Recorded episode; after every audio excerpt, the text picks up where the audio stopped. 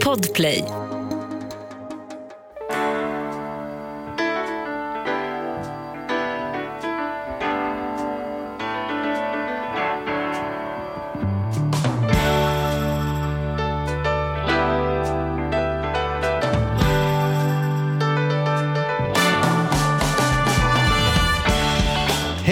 Välkomna! Det är ju dags för Ekonomi på riktigt med Charlie och Mattias och dagen till ära har vi även Sveriges friskaste professor.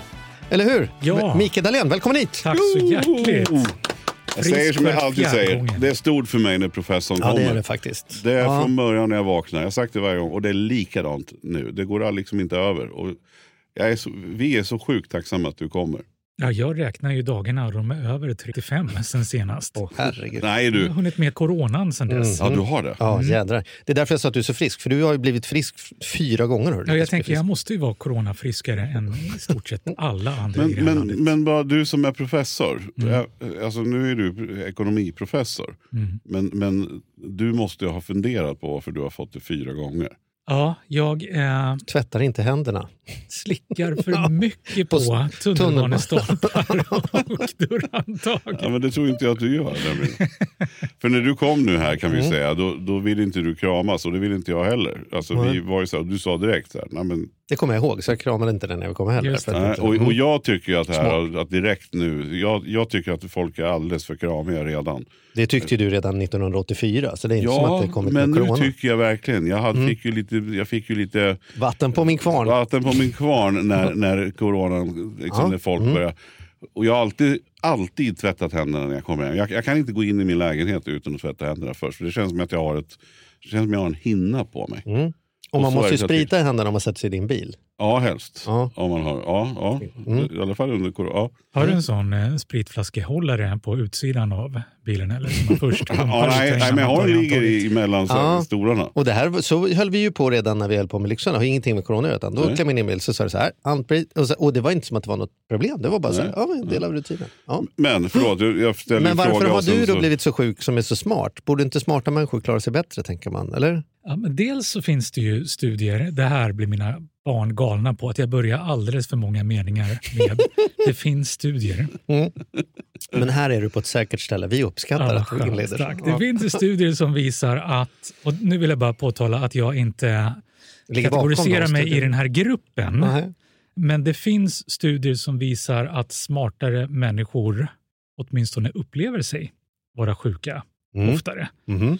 Så att jag upplever mig ha haft coronan fyra gånger skulle ju kunna vara ett tecken på att jag är smart. Men nu är jag ju inte så smart. Så, så det bygger ju på att det faktiskt är testbekräftat. Det här. Apropå spritpumpar och så vidare. Jag är uppvuxen med ett väsentligt mått av basilskräck Mhm. och tänker att det kanske har bidragit till att mitt system är alldeles för dåligt tränat på Mm. att ta emot skit av alla de möjliga Mm. slag. Jag har verkligen jobbat med det här på senare år. Så, så det här är lite klurigt för mig, för nu ska vi verkligen pumpa, hålla oss på avstånd och så vidare. När jag har gjort en ganska ordentlig träning de senaste åren innan coronan. i Gjort att- tunnelbaneträning, att börja ta på saker. jag snudd på att Ja. börja slicka på stolpar och allting. Mm. Att vänja Mm. mig vid lite skit och se att det går att överleva det också. Det kanske till och med ökar sannolikheten att Mm. överleva om någonting händer. Mm. Kanske börja träna för sent, jag vet inte. Eller så är det att jag inte slutade den här träningen Nej, och, och jag vet inte, för mig då får jag säga så här, peppar peppar ta i trä. Så, så jag har inte haft corona. Inte ens en gång. Ja. Jag Nej. hade en här ganska, i somras, då, min första. Ja, du hade jag. Ja, men du har Ja. aldrig haft den. Nej, Men du har ju också ganska mycket isolerat dig, får man väl säga. jag, jag, initialt Redan gjorde jag det, så- men, men nu som jag säger, nu ska ju folk kramas till höger och vänster. Och jag möter min klient häromdagen som, som kom direkt från New York och, och, och farit runt där och gjort en massa saker och var i en massa folkmängder. Jag följer ju henne då på Instagram också. Jag, jag, jag tror ingen har träffat mer människor än hon. Och sen kommer hon in på kontoret och sen rent, alltså rent så här, springer fram och typ hoppar upp i min famn och, och, och, och ska kramas. Och man måste ju ta emot någon som kommer flygande, annars flyger ner på golvet. Liksom. Och Ja. då, håller jag, då tar Det jag var inte Magnus Samuelsson, världens starkaste man, utan det var någon annan där. Ja, just det. Ja. Men, men jag hade en annan som, som också är näst, nästan världens starkaste Mm. eh, man. Hade jag också möte med faktiskt efteråt. Mm. Hoppade han också upp i ja, famnen? ja, nej, han hoppade inte, men, men han, han tog ett tag och kramade och sen så lyfte han upp mig i luften. Jaha. Mhm. Och det jag gör då det är att jag tar ett djupt andetag när jag ser att det här kommer. Och sen vrider jag bort ansiktet så mycket som möjligt och försöker hålla Ja. andan. Ja. Tills kramen är över. Mm. Och så tar jag en tag en Ja. bort. Men, men, Annars tänker jag att rent generellt så borde det vara en god idé att bli upplyft eller ännu hellre hoppa själv. För kommer du lite högre upp så borde smittorisken vara Mm. ja, just det, lägre. man är inte i samma nivå då nej. Men om vi tar såna enkla eh, grejer som att smittorisk är större vintertid, inomhus, luftfuktighet, lufttäthet och så vidare. Så är man lite högre upp, bokstavligt Mm. och rent geografiskt fysiskt, så borde en klara sig bättre. Det här, nu blir jag nyfiken, det här måste jag gå. Jag Om det finns kolla en sånt. korrelation mellan längd Kom, och- precis, kommer jag kunna berätta för mina barns döva öron att det finns studier som visar att människor som är längre än 2,05 Ja. Eller som alltid hoppar när de kramas. Ja, men, men det är för det, du har inte tittat på så här blod, har du kollat upp vad du har för blodgrupp? Det Ja, precis. För så, det ska ju finnas ett samband där. Och, Ja. och liksom det ska ju vara rent evolutionärt att vi har olika blodgrupper för att inte hela mänskligheten ska drabbas uniformt på samma sätt och dö ut. Så vi ska Och har du kollat upp det om du tillhör den som ska vara den bättre så att säga? Mm, ja, bättre i bemärkelsen Att man inte blir smittad, eller kanske inte bättre, är bättre. mottaglig för Ja virusen. mer mottaglig för en virus. Ja, det verkar jag ju ha facit på att det är. Och sen vilken grupp det tillhör. Jag har inte kollat upp vilka grupper som är mest mottagliga. Jag vet Ni har snurrat in på Fråga doktorn-podden. ni Ja. Jag vill bara Eh, klämma in välkomna. det. Jag känner att det här måste bara in i sammanhanget också. Jag är vaccinerad så jag, jag har tagit alla Ja. Ja. sprutorna. Men Just de det. gillar mig i alla fall. Mm. Jag, jag skyller på mina barn. Mm. Det gör jag med det mesta nu för. Mm. Det är ganska skönt. De är tonåringar och lyssnar ändå aldrig på vad jag säger. Så jag kan säga vad som helst utan att det når deras öron. Jag tror det är tonåringarnas fel. De, de, de, de tar hem allting. De har andra bogrupper än jag, det har vi kollat upp. Mm. Så de drabbas inte och så får jag skiten istället. Mm, Det är jag mm. glad för. Jag är Ja, glad som förälder. ja. Det är väl, som förälder ska han väl ta en del av stötarna åt sina barn. Så jag är glad att. Just det, men nu ser du, och jag har ju sett det, jag följer ju dig också såklart på Instagram. Och där, jag- vet ingen, jag sa så här att jag träffade världens starka, eller en av världens starkaste män häromdagen. Men det är ju en, det är en sån man som, som kan lyfta jättetunga vikter. Men när man tittar på din Instagram och såg i somras vad du ägnade dig åt. Jag gick och visade min fru. När, när du liksom läser en bok, sätter dig ner på ett ben och sen hängde du också i någon annan. Jag vart så, jag vart så fruktansvärt imponerad. Det där tycker jag bara att jag kan se på. Vi hade middag hemma häromdagen, då provade vi lite. Ja just det. Det, det var svårt. Är det så? vi Vad testade kul! gubb, gubbtestet. Mm. Ja. Gubbtest. Men det är lite för det. Jag, jag, ska inte ens, jag ska inte ens be Micke göra det. Men nej, vi ska det prova det med några kommande Ja, gäster. gubbtestet. Gubb- Gubbtestet, alltså riktigt gubbtest, det är att man, du ska ta av dig skor och strumpor Mm. och så står du på ett ben. Och sen ska du lyckas då sätta på dig strumpan och skon och knyta medan Mm. du står på ett ben. Och så byter du. Ställer dig på andra benet och sätter på dig strumpa och Utan att behöva sätta ner Just eller det. hålla på med Mm. Och göra det på ett ben. Men om man tittar vad du gör på ett ben så, Ja. så behöver vi inte fundera på det Men alltså där är du så stark så att jag ser ju bara det där inom, när man tittar på så här OS i ringar eller OS i gymnastik. Det är ju på den nivån. Du är ju fruktansvärt jävla stark alltså. Mm. Ja, ja, eh, två aspekter i det där. Den ena att jag är väl stark per kilo kroppsvikt. Mm, Jag har ju extremt få kilon att lyfta och balansera. det. Det finns ju få människor i det här landet som är så spinkiga som jag. Då är det lite lättare att göra saker på ett ben och en arm och hänga. Och, Och fast man måste också ha muskler. Det går inte bara att vara spinkig. Och andra delen är ju att jag har ju gymnaster i familjen. Min son gick ju länge under namnet gymnastsvinet. Mm. Kärt barn har ett sånt namn. Han är en väldigt kär son till mig och fick det namnet av mig. Jaha.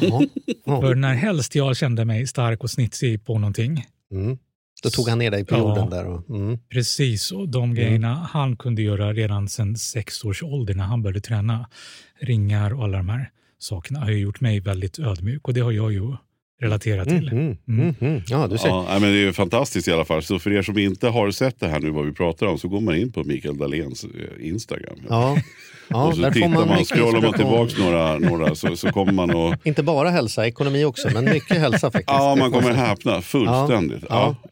Nu, eh, tar ni illa upp om jag smyger in på dagens ämne? Eller? Nej då, du får göra det. Okej. Sorry, men Vi ska ju göra nu den årliga, det här, det är liksom, nu, det här på riktigt börjar bli årligen återkommande, det kan vi ju faktiskt säga med viss integritet. För. Samtalet om Nobelpriset Ja. i ekonomi. Fast det heter det ju inte, nu måste vi börja från början. Då. Det heter i vanlig ordning för Ekonomipriset eh, i, eh, priset i ekonomisk vetenskap till Alfred Nobels minne. Men jag gillar ju att du säger Nobelpriset och det känner jag ju är en mission vi har gemensamt. Att säga fel så många gånger att, det, att det blir blir rätt. rätt. Mm. vad, vad, om vi börjar där, då, varför, varför heter det inte kort och gott Nobelpriset? Då bara? För att Nobel inte hade något finger med i bakandet av den kakan. Det här priset bestämdes ju först 1968, långt efter att han Mm. hade lämnat oss i samband med Riksbankens 300-årsjubileum, är det väl, tror jag. Mm. Du får ingen mothugg från oss här. Utan Ja, det, ja, jag undrar, var det 300 eller 400? Nej, men 300 år. Och, och det kan man väl säga att kanske inte jättestor skugga på Nobel för att man hade inte pratat så mycket om ekonomi som en forskningsgren och vetenskap på den tiden han, när han skrev sitt testament om vad det skulle innehålla. Det var väl inte så många som tyckte så här, hatar han ekonomer eller varför får inte de vara med? Utan det var väl inte, hade inte hunnit blivit en så stor grej då, va? Eller? Ja, men det tycker jag också är viktigt att resonera kring, för många tänker ju att han valde bort Mm, ekonomi och det är omöjligt att fråga honom nu. mm, valde du bort det. Men jag tror ju också att så var fallet. Att, inte att han valde bort det, utan att det inte var mycket till en etablerad, välkänd vetenskap vid det Mm. laget. Det är en ganska ung vetenskap, den ekonomiska vetenskapen. Här har jag ju då en sån här fråga från kanten kanske. Då. Hur definierar man ekonomi? Därför att ekonomi, alltså ordet ekonomi är ju hantera resurser i brist eller något sånt där från grekiskan, om man ska översätta det. Mm. Och skulle ju kunna, vi har ju liksom en tidsekonomi och vi har en liksom energiekonomi och sånt. Så det behöver ju inte nödvändigtvis handla om pengar. Men du som är ekonomiprofessor, du, är du pengaprofessor eller är det liksom resurshanteringsprofessor? Och är priset ett pengapris eller är det, skulle det kunna handla om hur människor förhåller sig ekonomiskt eller oekonomiskt med tid i sitt liv? Skulle det kunna få, eller är man säger nej det är inte Nobelpriset i ekonomi, då får vi hitta på ett pris till. Liksom. Vad, vad, hur definierar man ekonomi i ekonomipris? Liksom? Mm, Fick du en priset- skitfråga nu? Eller Nej, var det det... var en fantastiskt bra fråga. Priset skulle och kommer förhoppningsvis framledes tilldelas rön och upptäckter kring hur vi använder och fördelar vår tid. Mm. Definitivt. Mm. Det, det är inte nödvändigtvis, även om det i år blev ett pris En till, pengar. kring Mm. pengar. Mm. Men, men ser vi några år tillbaka så eh, har det ju delats ut, så fem år sedan det delades ut till Richard Taylor som ju populariserade begreppet nudging, Mm. hur vi med små medel kan hjälpa människor att fatta beslut de sällan gör för att de inte är riktigt medvetna om dem. Och det kan användas kring pengar, men den forskningen går ju att använda kring hälsa och rökning och, och precis. tids... Så egentligen är inte det ett ekonomipris som att det är pengafrågan. Nej, den blev ju högaktuell under coronan och Ja. det här med att pumpa sprit, Ja. eh, till exempel använda masker och hålla avstånd. Mm. Hur kan vi med små påminnelser och små knuffar få Mm. människor att i stunden fatta beslut som är lite mer smittsäkra för alla? Mm. Så det är ett sånt Mm. exempel, definitivt. Och vad är ekonomi? Ja, men det finns ju flera definitioner. Alla har ju gemensamt att det handlar om eh, resurshållande, planering, att göra tillvaron och livet bättre för oss själva och varandra tillsammans. Mm. Det är väl liksom vad de olika besläktade definitionerna har gemensamt. Och, och, okej, så, men i år blev det pengar. Mm. Innan jag, vi ska prata om vem som fick det och hur så måste vi också för, för nytillkomna tittare, som man brukar säga förr i tiden, Mm. konstatera vad är din roll i detta? Hur stor del har du i, i vem som blir Nobelpristagare i ekonomi? För det är ju som att du sitter i lite dubbla stolar, för du har väl lite ett finger med i spelet här? Eller? Är jag farligt ute nu? Eller? Jag vet inte vad jag får säga, så jag säger att jag kanske... Okej, Du jag- kanske jag- jag- har, får ha en åsikt. Vi gör så här då. Ja. Jag, jag formulerar om frågan på ett sätt som blir lättare för dig att svara på. Hur går det till när man utser? Kan du, råkar du känna till processen? Liksom? Tack, ja det kan jag med all säkerhet säga. Och, och finns det likheter med de andra priserna, hur det Ja. går till? Alltså finns det någon slags kutym för hur det här Mm. ska gå till? Eller är det på ett helt eget vis när det kommer till ekonomipriset? Ekonomipriset går tillväga på samma sätt processmässigt som fysik, medicin och, och några av de andra priserna. Så det är alldeles lika. Mm. Så, eh, och då finns det en kommitté som kommer överens om och fattar beslutet.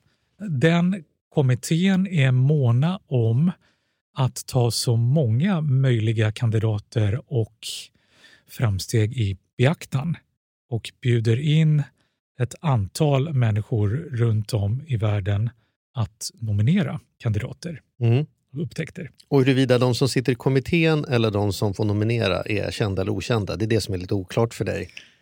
Kommittén är känd Ja. Mm. eh, och det är viktigt också eftersom de har en väldigt viktig roll Mm. i det här som de ska förhålla sig till och som Mm. hela omvärlden ska förhålla sig till.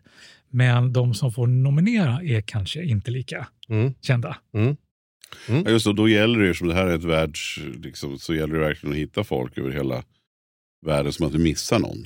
Eh, Precis. Så det inte bara blir liksom Sverige-fokus eller liksom Asien-fokus utan man ska liksom så brett som möjligt hitta olika forskningsframsteg och liksom sådana saker. Ja, precis. Och så Ja. funkar det ju så att vi akademiker är ju mer bevandrade och specialiserade inom ett visst område och Mm. inom en domän i det området Mm.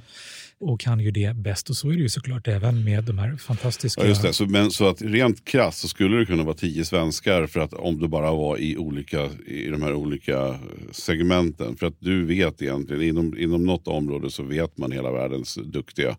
I ett annat område så vet man det. Så det, förstår du vad jag menar? Ja, för så funkar ju vetenskaperna. Ja. Det, de ska ju vara ackumulerande, ska hela tiden eh, bygga på tidigare forskning och utveckla den. Så vi är ju väldigt väl bevandrade i forskningen Ja, på så inom ett visst område så vet man vilka som finns i hela världen egentligen. Ja, precis. Och kommittén är liksom självbestämmande. Det är inte som att den sen går till någon som är ordförande i Nobelstiftelsen och säger så här, nej nu har det varit för många kvinnor eller det var fyra från Sydamerika eller det var tredje året i rad och sånt, utan man vet inte vad de andra bestämmer om sina priser utan varje grupp är så här, nu är vi klara, här är brevet, varsågod. Liksom. Ja, de är självständiga och självbestämmande. Mm. Definitivt. Därför är det också viktigt att vi alla vet vilka som är medlemmar där. Mm. Mm. Men, tar man hänsyn till om det har varit fem gubbar på, på, på, på, i sträck i kommittén. Tänker man då att det vore väl lite fiffigt om, om, vi, om vi nu har en, en kvinna som är nästan lika bra. Eller vi kan ta tvärtom. det. Jag menar inte att eh, det blir känsligt bara man pratar om det. Men alltså, finns, finns det några sådana kriterier? att Nu, nu har vi haft liksom nu har vi Vita medelålders män vi i haft- 62 år i precis, rad, Nu liksom. behöver vi få en, en, en svart kvinna eller vi behöver få en, en ja, vad som helst. Liksom. Någon från ett annat land. Nu har vi haft fem ryssar, nu måste vi få en. Jag sitter ju inte med i kommittémötena och det är eh, allmänt känt att jag inte är en del i kommittén så därför kan jag inte säkert säga hur de resonerar. Jag kan kanske säga att de uppmanar till och bjuder in till nomineringar som tar sådana hänsyn Mm. och är väldigt måna om att fånga in en mångfald av kandidater och områden. Det kanske jag vet.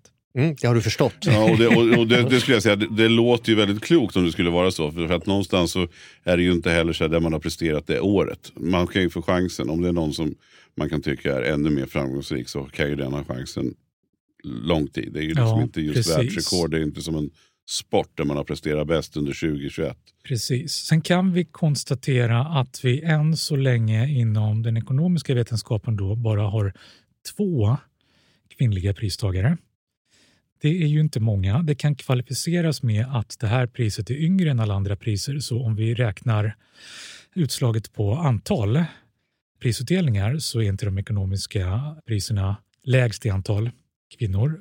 Fysik tror jag är det som är lägst. Men, men det som är lite klurigt vet jag kanske eh, med de ekonomiska priserna är att Du Till kan skillnad- gissa. Ja. Ja. Du kan ha förstått. till skillnad från till exempel fysik eller medicin som inte helt sällan går att testa i en kontrollerad miljö i eh, ett laboratorium till exempel där det går att veta så här fungerar det helt säkert. Ja, så är ju den ekonomiska vetenskapen en samhällsvetenskap som ofta handlar om system. Mm. Apropå definitioner så är ekonomi ett system som binder oss samman och där kan det vara svårt att veta i vilken utsträckning den här teorin, modellen, upptäckten verkligen fungerar i ett större system. Så det tar lite längre tid innan man kan dra slutsatsen att det här verkar vara en, en, tes som faktiskt eh, håller och är användbar. Medan man kan komma på någonting om kvarkar eller, eller dela celler som man kan redan direkt konstatera att det här blir ju användbart. Kolla, det Precis funkar så. verkligen. Och årets pris är till exempel ett sånt. Det måste ju vara oerhört svårt, för att inte säga nästintill omöjligt. Det är fantastiskt, den här kommittén, men vilket jobb de måste ändå lägga ner och alla som nominerar och så där, För att det måste finnas så många som är, skulle vara värdiga ett pris. Det kan inte bara vara tre i världen en gång om året som är så duktiga. Utan det måste finnas en det måste vara väldigt, väldigt svårt att göra ett urval och folk har åsikter. Många måste tycka att inom mitt segment det är mycket, mycket viktigare än inom det där och, och det tredje. Så, här. så är det viktigt ändå att man har det här priset liksom, när det är så många som inte får det. Ja, men du har rätt, det är skitsvårt. Det är kontroversiellt. Inte lika mycket inom ekonomi som en del andra priser tror jag, för att folk har en större intresse för och tycker sig ha en större förståelse för. Och så. Men, men även inom ekonomi är det såklart kontroversiellt och det kan en se som något dåligt eller så kan en se det som någonting bra, att det engagerar, Mm. att folk fäster stor vikt vid det och att det speglar vår samtid, våra värderingar och så vidare. Och jag väljer att- se det just som någonting bra. Mm. Om det var någonting som folk inte hade åsikter om och ibland blev upprörda över så skulle det inte vara ett särskilt viktigt och relevant pris. Samtidigt är det ju ett pris. Det är ju en hyllning av någonting. Det är ju inte världsmästerskapen i forskning som att man kommer på vem som var bäst. Utan man lyfter ju fram någon och det kan man ju göra. Alltså jag kan ju skicka blommor till dig utan att andra blir så här, jaha, är han bäst då som fick blommor? Ja. Utan så här, nej men det var ingen tävling. Det här ville vi uppskatta i år. Det betyder Ja. inte att andra är ouppskattat eller skulle vara sämre. Men det måste ju på något sätt vara svårare kan jag tycka med ett sånt som ett litteraturpris där det är mest smak och tyck. Alltså, Just upp- det, snille och smak. Mm. Alltså för jag menar, ja, men I fysik det kan man ju sen bevisa. Titta här, den här formen jag har kommit på E är lika med m gånger c uppe till 2. Alltså man kan bara säga, titta. Titta vad jag kom på här. Mm. Jag, jag visade att, att Einstein hade fel eller Einstein hade rätt. Eller jag kom på, jag gjorde en ny Einstein. Medan en bok, är ju, eller flera. Är- Alltså nu tar jag det på väldigt... Mm. Fredspriset ska vi inte ens prata om. Det verkar ju helt påknarkat. Man verkar, en del verkar ju fått det i förebyggande syfte som någon sporre. Där Att bli lite fredligare. Och, ja, Ja, och att liksom hitta på. Va, vad har han gjort Ja. som andra inte... Men ja, då, vi stryker den Mm. frågan. Eh, eh, eh, vi- men jag har en till då. Okej. Skulle den kunna vara av en så... Alltså måste det vara väldigt avancerat? Alltså, man ska, man ska liksom, skulle Ste, Stefan Ingves kunna få priset? För att han, ändå, han åkte ju ändå till något land någonstans och röjde upp och fixade till ekonomin för, för ett land. Och sen har han väl lyckats ganska bra i Sverige. Liksom. Är, är det på en sån nivå så att det vore bara... Nej, men frågan ligger ju extra nära till hands med tanke på att årets pristagare, en av tre, är en tidigare centralbankschef. Mm. Precis som Stefan Ingves snart är en tidigare fortfarande i befattning. För, Ben, Bernanke frågan? från det- han- Federal Reserve i USA. Ja. Men Ben Bernanke, som vi kommer in på sen, fick ju priset inte för att han var centralbankschef utan för att han för snart 40 år sedan, 1983, publicerade forskning. Så han är akademiker i grunden och det är viktigt att det är den ekonomiska vetenskapen, inte den ekonomiska praktiken. Så du ska ha gjort ett vetenskapligt framsteg Ja, eller upptäckt. Det är det som belönas, inte vad du gör i praktiken, även om det som görs i praktiken är fantastiskt viktigt, men det är inte det som lyfts fram och Okej. prisas i det här sammanhanget. Så om du kommer på värsta bra idén om hur vi kan lösa alla ekonomiska problem i Afrika och jag åker ner och gör det, då är det du som får priset för du kom på idén. För därför är det idén man ger pris för. Mm. Medans görandet kan vi applådera jättemycket. Jag kanske får fredspriset med lite tur. Men det är egentligen inte vem som har använt teorin bäst eller tesen bäst, utan det är själva forskandet som man får. Ja, pris för, precis. liksom. Och tanken med priset är ju till väsentlig del just att uppmuntra till och lyfta fram sådana upptäckter som i nästa steg kan göra den enorma skillnaden Mm. på riktigt.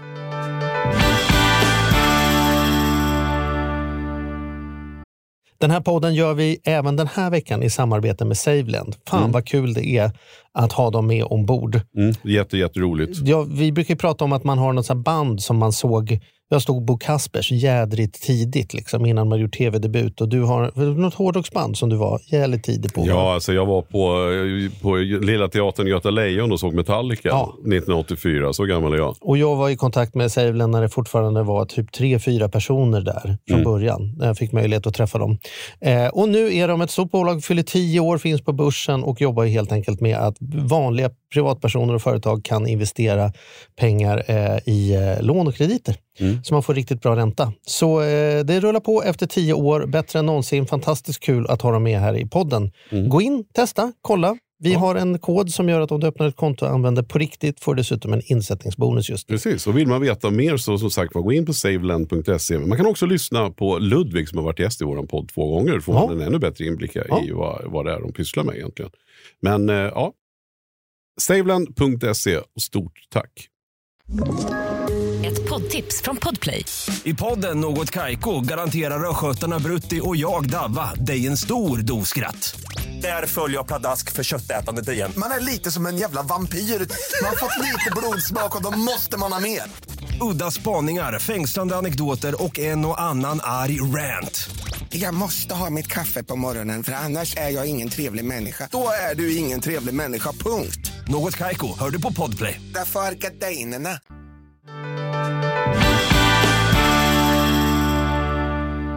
Men varför är de tre då? Varför är det tre pristagare? Varför var det inte bara han? För att de tog sig an samma frågeställning på lite olika sätt. Och så är det ju, världen är ganska stor. Och akademin också. Så flera människor kan jobba med frågor tillsammans, vilket inte är helt sällsynt. Två av de tre gjorde det tillsammans. Och den tredje, Ben Bernanke, eh, satt på sin kula och gjorde det här. Och samma år, 1983 till och med, publicerade de de här upptäckterna, framstegen som belönas. Och hur hade världen sett ut om de inte...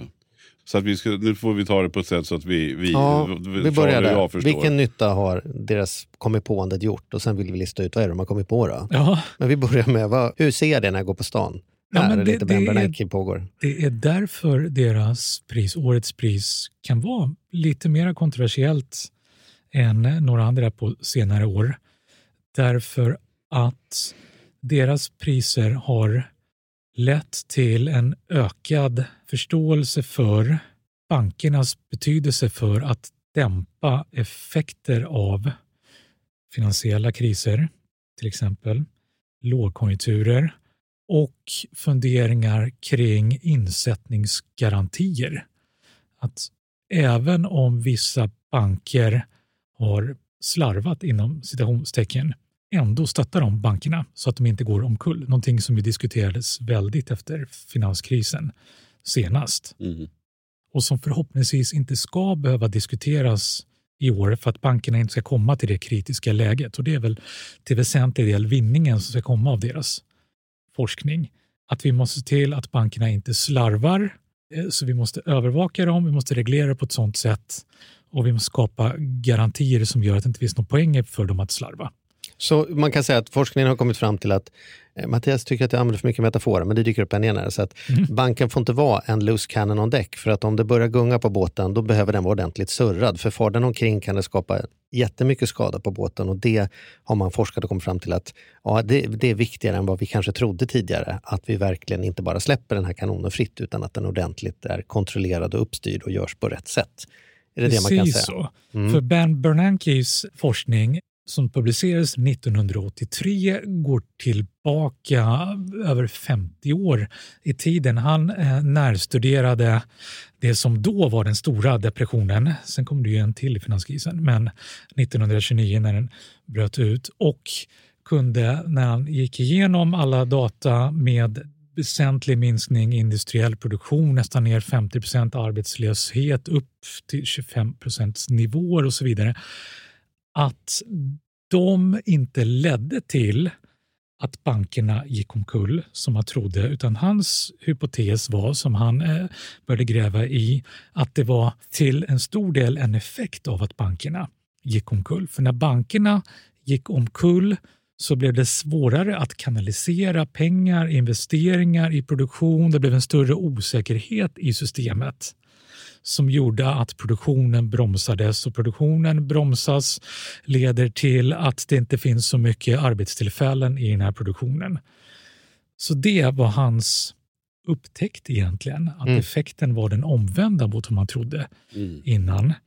Att staten och kapitalet sitter i samma ja, båt. Precis. Mm, där fick du till det. ja. Och sen, då, då byggde ju på historiska data och ett case på svengelska. Okej, kan vi vara trygga med det här? Kan vi ge honom Nobelpriset redan år 1984 eller 85 eller vad det nu var? Nej, det var väl viktigt att det faktiskt kunde testas i systemet totalt med, med nya oberoende data och så fick vi ju en, en kris till där det här kunde hårdtestas. Och Mm. Därför stod det här priset på vänt så länge och kommittén kände sig tryggare med att dela ut det nu. Okej, så det är den ena. Eh, De andra två, har de gjort samma sak eller har de gjort något annat i samma område? Mm, de har gjort en modell och sånt gillas i ekonomiska vetenskaper. Diamond-Dybvig-modellen. Ja, den behöver vi inte förklara närmare, det känner ju du till. Ja, men då, det är sen gammalt. Ja, ja. Nej, berätta. Tack för oss. Douglas Diamond och Philip Dig- Dibvig, svårt det där, skönt namn, kom fram till att det finns olika jämvikter i människors och eh, statens, centralbankens förhållande till banker. Och jämvikter gillar vi. Eh, de här jämvikterna gör att man kan räkna ut sannolikheten att det ena eller andra händer. Och de två stora jämvikterna är antingen bankrusning, att människor kommer springa till banken och ta ut sina pengar för ingen gillar osäkerhet. Kan det vara så att andra kommer ta ut sina pengar nu Mm. för det verkar som att det kommer att, skena. Eh, Bankerna kommer eh, tappa i likviditet på grund av att eh, det är skenande inflation och vad nu helst som kan... Lex toalettpappret i corona. Ja, precis ingen, så. ingen tänkte ju att de behövde, men eftersom alla andra verkade tänka det så var det lika bra att åka och köpa. Liksom. Precis så. Mm. Så det finns något rationellt i att vara irrationell. Springa och ta ut mina pengar trots att jag inte behöver de pengarna. Mm. Men tänk om andra behöver sina pengar och är rädda att de inte kan få det. Då är det bättre att jag springer före dem Mm. innan bankerna har gjort av med, gjort av med, eller lämnat ut alla pengar Mm. Ja. de har. Eh, Som ju är ett reellt problem, för man sitter ju inte med lika mycket pengar som man, folk har satt in på kontona. Man sitter bara med en Precis bråkdel så. av de pengarna. Och den andra jämvikten är när ingen springer för att ta ut pengarna därför att det finns en garanti att pengarna kommer finnas där. Mm. Och det är det som är den här insättningsgarantin Mm. där en centralbank kan göra sin främsta gärning genom att garantera att pengarna kommer finnas där och bankerna kommer fortsätta vara likvida vad som än händer. Och problemet eh, som du är inne på med banker är ju att de ju aldrig har lika mycket pengar inne på banken som de är skyldiga människor som har satt in pengarna, som sparar sina pengar där. Därför att bankerna jobbar med, och det här är ett ord som jag tror kanske inte riktigt får fäste hos allmänheten, men som flera i alla fall lär sig, löptidstransformering. Mhm. Vi får se om den kommer in i språkrådets nyordslista för 2022. Det låter som man har ökat på sin, när, man, sin, när man är ute och springer i skogen och Ja, lyckas eh, transformera sig själv för snabbt. Jag har Ja. klippt två minuter på milen nu. Ja. Bra löptidstransformering. Ja, ja. Jo, men bankerna... En Det, det, det är mitt löfte. Ja. Precis som vi ska börja säga Nobelpriset i ekonomi så ska jag börja på träningsplatsen använda löptidstransformering fel om min, om min löpträning. Bara för att skapa kaos i detta område. Ja, precis som Ja. vi var inne på. Ja, att fan ekonomipriset blir. Nobelpriset. Man Ja. säger ofta nog så blir det rätt sen. Ja. Alla kommer ju löptidstransformera i löpspåren Ja, sen. ja, jag ska ner under 45 minuter på milen. Det är en jävla löptidstransformering som. Ja. Ja. Men, men det går en koppling där också. Löptidstransformering handlar om att det finns olika löptider på pengarna vi som privatpersoner lånar till banken. Vi lånar pengar till banken när vi sätter in pengar där, när vi sparar pengar. De vill vi ska ha kort löptid. Vi vill när som helst kunna ta ut dem för att handla saker helt oförutsett. Nu behöver jag pengar eller inte. Nu blev jag sugen på chips och då vill jag kunna swisha pengarna eller vad det nu är. Små sådana Mm. summor. Eh, medan pengarna banken lånar ut Vi vill inte att banken säger vi sitter sugna på chips här så nu får du betala tillbaka bolånet. Precis. Mm. När jag lånar pengar till boende, när jag lånar pengar till mitt företag som håller på att investera i produktion och allt det där, det är vi tillbaka till Ben Bernanke och det då, Mm. så behöver ju vi vara säkra med att pengarna kommer inte återkrävas av banken när som helst. Mm. Och där har vi då problemet att Banken behöver kunna låna ut pengar med långa löptider och en säkerhet för de som lånar pengar av banken att det inte kommer återkrävas när som helst. Medan banken måste vara beredda att lämna tillbaka pengar de lånar av oss som privatpersoner och vi vill ha det när som helst. Och Det är därför bankrusningar kan leda till det här kaoset. För banken ska då skicka ut alla pengar samtidigt som de inte Och kan hur knäckte återkräva de det pengar. här då? Alltså, det är där de har knäckt så att man har lyckats lösa det här. Nej, de har bara gjort en modell så att man kan lista ut problemet. Precis så. De har ju inte gjort någonting annat än kommit fram till att det är därför det kan bli den här jämvikten när alla antingen springer och tar ut pengarna därför att banken kommer att hamna i ett läge där de inte kan återkräva pengarna de lånat ut och bli icke-likvida. Så därför är det rationellt att springa först till banken. Eller den andra jämvikten att det är rationellt att inte springa till banken för att banken kommer fortsätta vara likvida medels den här insättnings... Det är ju lite, det är lite Garantin. läskigt också med tanke på vad man ser händer i Libanon just nu där folk rånar banken. För att Eh, få att tillbaka, få tillbaka sina, sina egna egna pengar. Ja, Ja. precis. Det är också så ganska Det hände ju när Jugoslavien fick inbördeskrig och bröts upp i flera nationer. Var det ju också Men nu var det ju som- faktiskt han som jag såg på nyheterna som faktiskt rånade sin egen bank. Han fick ut 10 000 av sina 30 han hade satt in eller något sånt där. Men han gick in och rånade banken. Fick pengar men... Eh, och I Sverige? gav till sin pappa. Nej, i Libanon. Ja, Jaha. och det är ju Mhm. förståeligt och så Och, läskigt och han, och fick sorgligt. inte, alltså, han fick ju inte straff ens en gång. Alltså, så Nej, för det liksom, det många. är ju hans pengar. Ja. Det är ju de här människornas pengar och det är Mm. så fruktansvärt att de har sina pengar Mm. på banken som helt plötsligt bara tas gisslan, i allra värsta fall utan här garantier, Mm. försvinner. Hemskt Och alltså. så de måste råna banken. Och anledningen till det här är ju för att bankerna har rollen i systemet med utlånade pengar som är viktiga tillbaka igen då till Ben Bernanke och insikten att en kris blir ännu större ifall alla de här investeringar, bolån och så vidare som görs återkrävs helt oförberett. Då får vi en ännu större kris. Så liksom det, det är svårt i båda ändar där. Mm. Det, det är här liksom banken fyller en så viktig funktion och det är därför man kan tycka, men ska inte bankerna gå i konken då om de inte har varit försiktiga nog med sina lån i båda ändar? Och det här man kom fram till, ja men alltjämt, det blir ännu värre Mm, ifall de bara lämnas åt sitt öde eftersom det drabbar människor, företag i båda ändar. Mm. Eh, och det som är fallet av finanskrisen som upptäcktes då, att ifall bankerna är för dåliga på att själva, reglera det här och sköta sig så att det inte blir så riskabelt. ja Mm. precis, vilket hände väldigt mycket i USA med det som kallas för skuggbanker. Mm. Banker lite i den här gråzonen som var en viktig del till finanskrisen. Om vi inte bättre övervakar och reglerar det så händer det här lättare. Så uppsidan på det här som man tänker är att reglera bättre redan innan. Bankernas ansvar, kraven på banker, vad det innebär att vara en bank. Så att det inte ska kunna gå och slarva.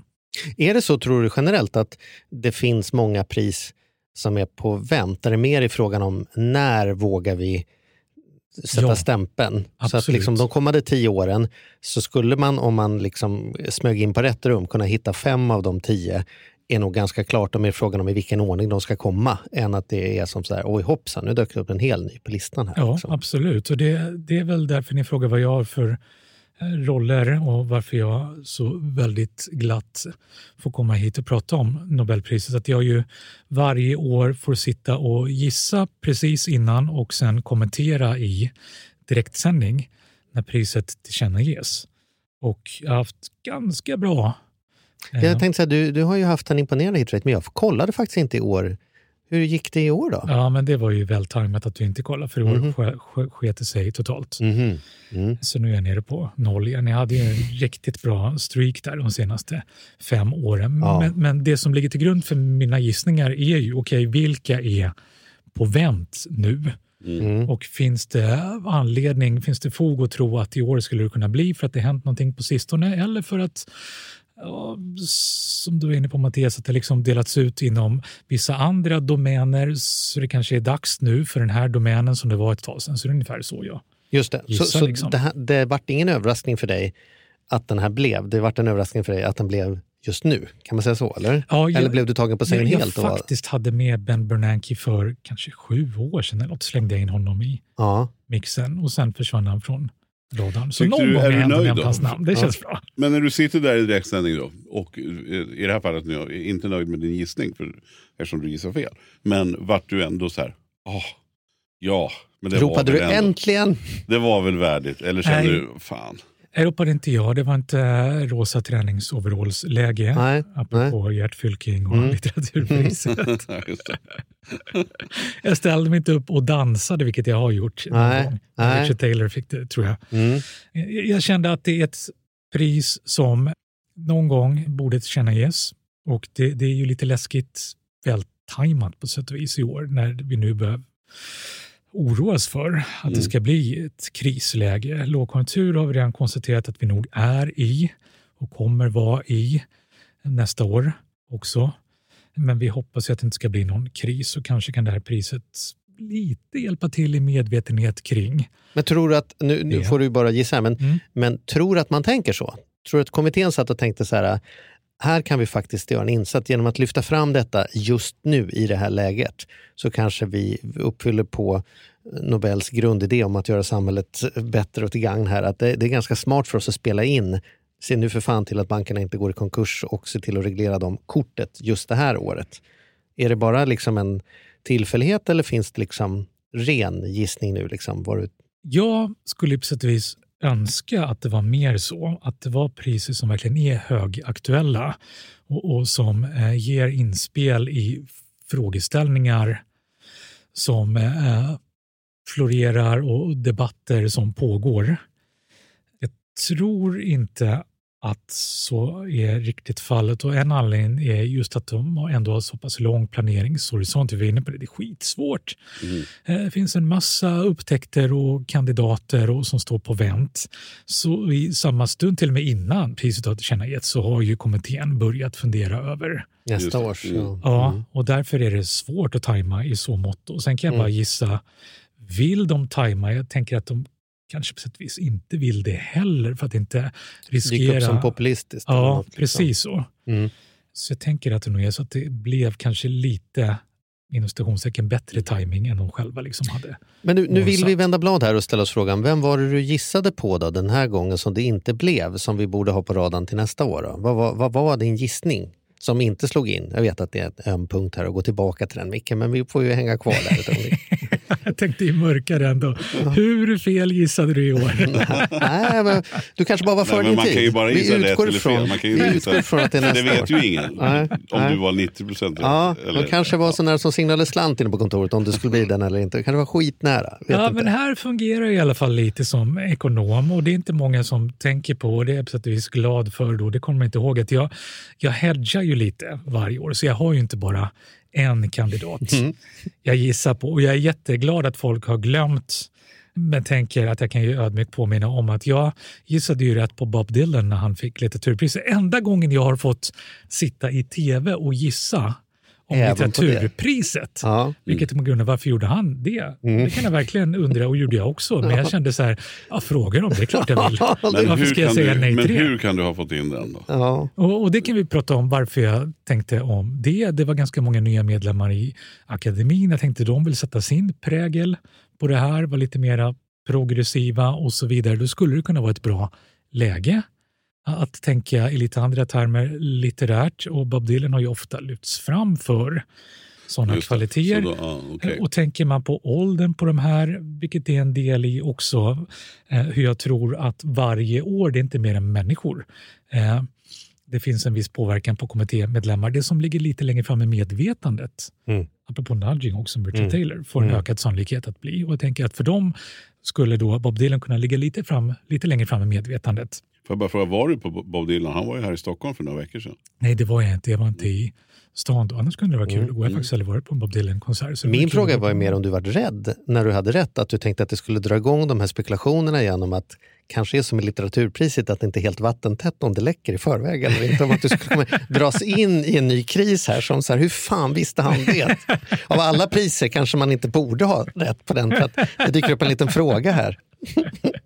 Men det ring... Ja, men nu har vi Nej, tappat. vi släpper den. Men- men väl värt att nämna var att jag- jag gissade- på. Ja, Ja, det var det. Jag gissade på på, på några mera säkra, eller några mera förväntade kandidater även med litteraturpriset, men det är ingen som kommer ihåg. ju. Nej. Och, och samma här, varje år så gissar jag på några olika namn. Någon som jag tycker känns högaktuell i år och där gissade jag på ett delat pris mellan Kathleen Voss och Dan Ariely som har gjort lite tillsammans men också mycket på varsitt håll kring pengapsykologi. Richard Taylor som fick för några år sedan ekonomiskt beteende, ekonomisk psykologi. Schiller innan dess, några år sedan, som också kollar på mycket eh, ekonomisk psykologi och det här med eh, finansiella uppgångar och fall och så vidare. De här två, Kathleen och Dan, verkligen rakt in på hur pengar i sig själva har psykologiska effekter. Om vi uttrycker saker i pengar, om vi tänker på pengar, så påverkar det hur vi värderar saker och ting, även vår tid faktiskt. Hur vi värderar våra relationer, vår benägenhet att hjälpa andra eller inte, tänka på kortare eller längre sikt. Och det kände jag skulle ligga bra i tiden nu eftersom vi som vi alltid gör när konjunkturer svänger, både upp och ner, då bör vi tänka mera på pengar. Oj, nu kommer jag få mer pengar eller oj, nu kommer jag ha mindre pengar. Så pengar i sig kommer längre fram i vårt medvetande och kommer påverka en hel massa beteenden och beslut. Så det kände jag skulle ligga väldigt bra i tiden nu. Men det kanske Ja, kommer det- nästa år. då. Vi får se. Ja, vad, du- vad var din Ja, andra gissning? precis. Och då Ja. kan den här konjunktursvängningen bli ett jättebra test. Ja, Ett ännu skarpare Mm. test som gör att de puttas längre fram i läge då. Si- Sista frågan. Är du laddad för festen? Har, du Ja. valt, har du valt klädsel och nagellack och grejer? Eller var ligger vi? Det, är, det här pratade vi om Ja, eh, ja. senast det begav sig. Nu har det ju inte varit fester på ett par år. Nej. Så det var väl precis den, den eh, senaste festen. Senaste väl? festen så pratade När vi pratade om hur långt ska jag våga gå? Ska Ja. jag ha klänning på mig? ja. Ja. Och ha den, hennes, vi hade ju till och med tankar på att du skulle göra som en hommage till Ja, Sara Daniels klänning. precis så. Ja. Och det blev ju inte klänning, det blev en håruppsättning. Mm. Så den har jag testat och det blev ju inte ett ramaskri så. Och min fru överlevde det också. Mm. Tyckte det var okej. Men, men hon hade den vackraste klänningen i, i vårt tvåpersonssällskap. Så den här gången skulle det kanske kunna bli. Mm. Är det ett löfte eller en spekulation eller en lek? eller vad är det? Kan det bli riktigt bli en stilig klänning? Kan vi inte slänga ut den då som Ja. en omröstning? Ja, Mm. ja absolut. vi. vi. lägger den i... För eller emot? Just Ja. det, för de som tycker att Mikael Dahlén ska ha klänning på sig på Nobelfesten Ja, Mm. så skriver man att man vill det. ja. Eller Vi, vi lägger upp man- den i, på, i Facebookgruppen som Ja. en omröstning helt enkelt. Och det, det jag liksom, anledningen till att jag är tvehågsen är att jag ser ett värde i att ha en klänning på mig för att vara lite mera progressiv, att det inte ska vara så stelbent, att det måste se likadant ut som det gjort i decennier. Jag vill börja snacka sekel nu Mm. och som jag känner kan, liksom, kan skapa ett avstånd till ska allmänheten. Ska Ja. det liksom vara så? Mm. Men Ja. vet du vad, vi kan väl... Kan Men vänta, inte vad bara- ligger i andra vågskålen då? Vad är det som får dig att inte tycka att det är självklart då? Att jag inte vill stjäla uppmärksamhet.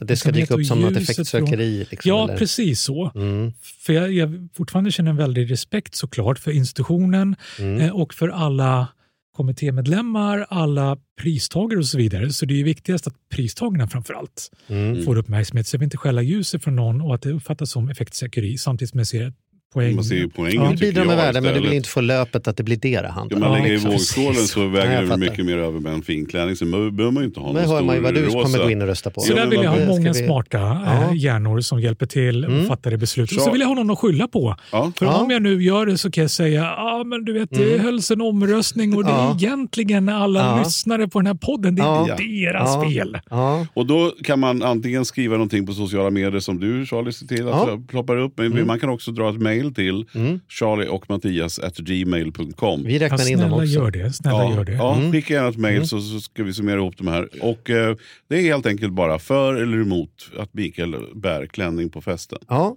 Mm. Men du, då tycker jag vi stänger den, eh, den Nobel, eh, Ja. Nobelfesten. Ja, därmed, det jag håller med dig. Det var ju fantastiskt spännande. Nu får du ha kul på festen och det ska bli jättespännande att se hur det slutar. Då. Blir det klänning eller verkligen. inte? Blir det klänning eller inte? Jag tycker det är stort till dig att vi får äran att, Ja. rösta här Ja, i podden. Och jag kommer ju ha så mycket mer kul på festen för att jag då kan slappna av i förvissningen att det, det var ett beslut fattat av väldigt Ja. många smarta människor som jag kommer skylla på. Och, och, och vad du häftigt. tänker inte ens att det är rådgivande utan du tänker att det är en beslutande Ja. omröstning? Ja, Okej. all in. Oj, jävlar. Roligt. Tack för idag. Tittare eller lyssnare, nu måste vi ha, vi måste i alla fall få upp till 100 svar för att det ska liksom bära enligt någon slags studie, eller hur? Det går inte att en människa skriver. Nej, diffusion av ansvar, eller hur? Vi vill kunna sprida ansvaret över så många människor som Ja. möjligt så de vågar ta Så att det blir en studie på Ja. riktigt. Liksom. Precis. Ja, ja. Jättebra.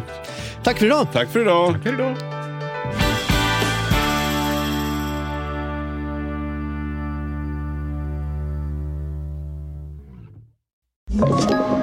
Podplay.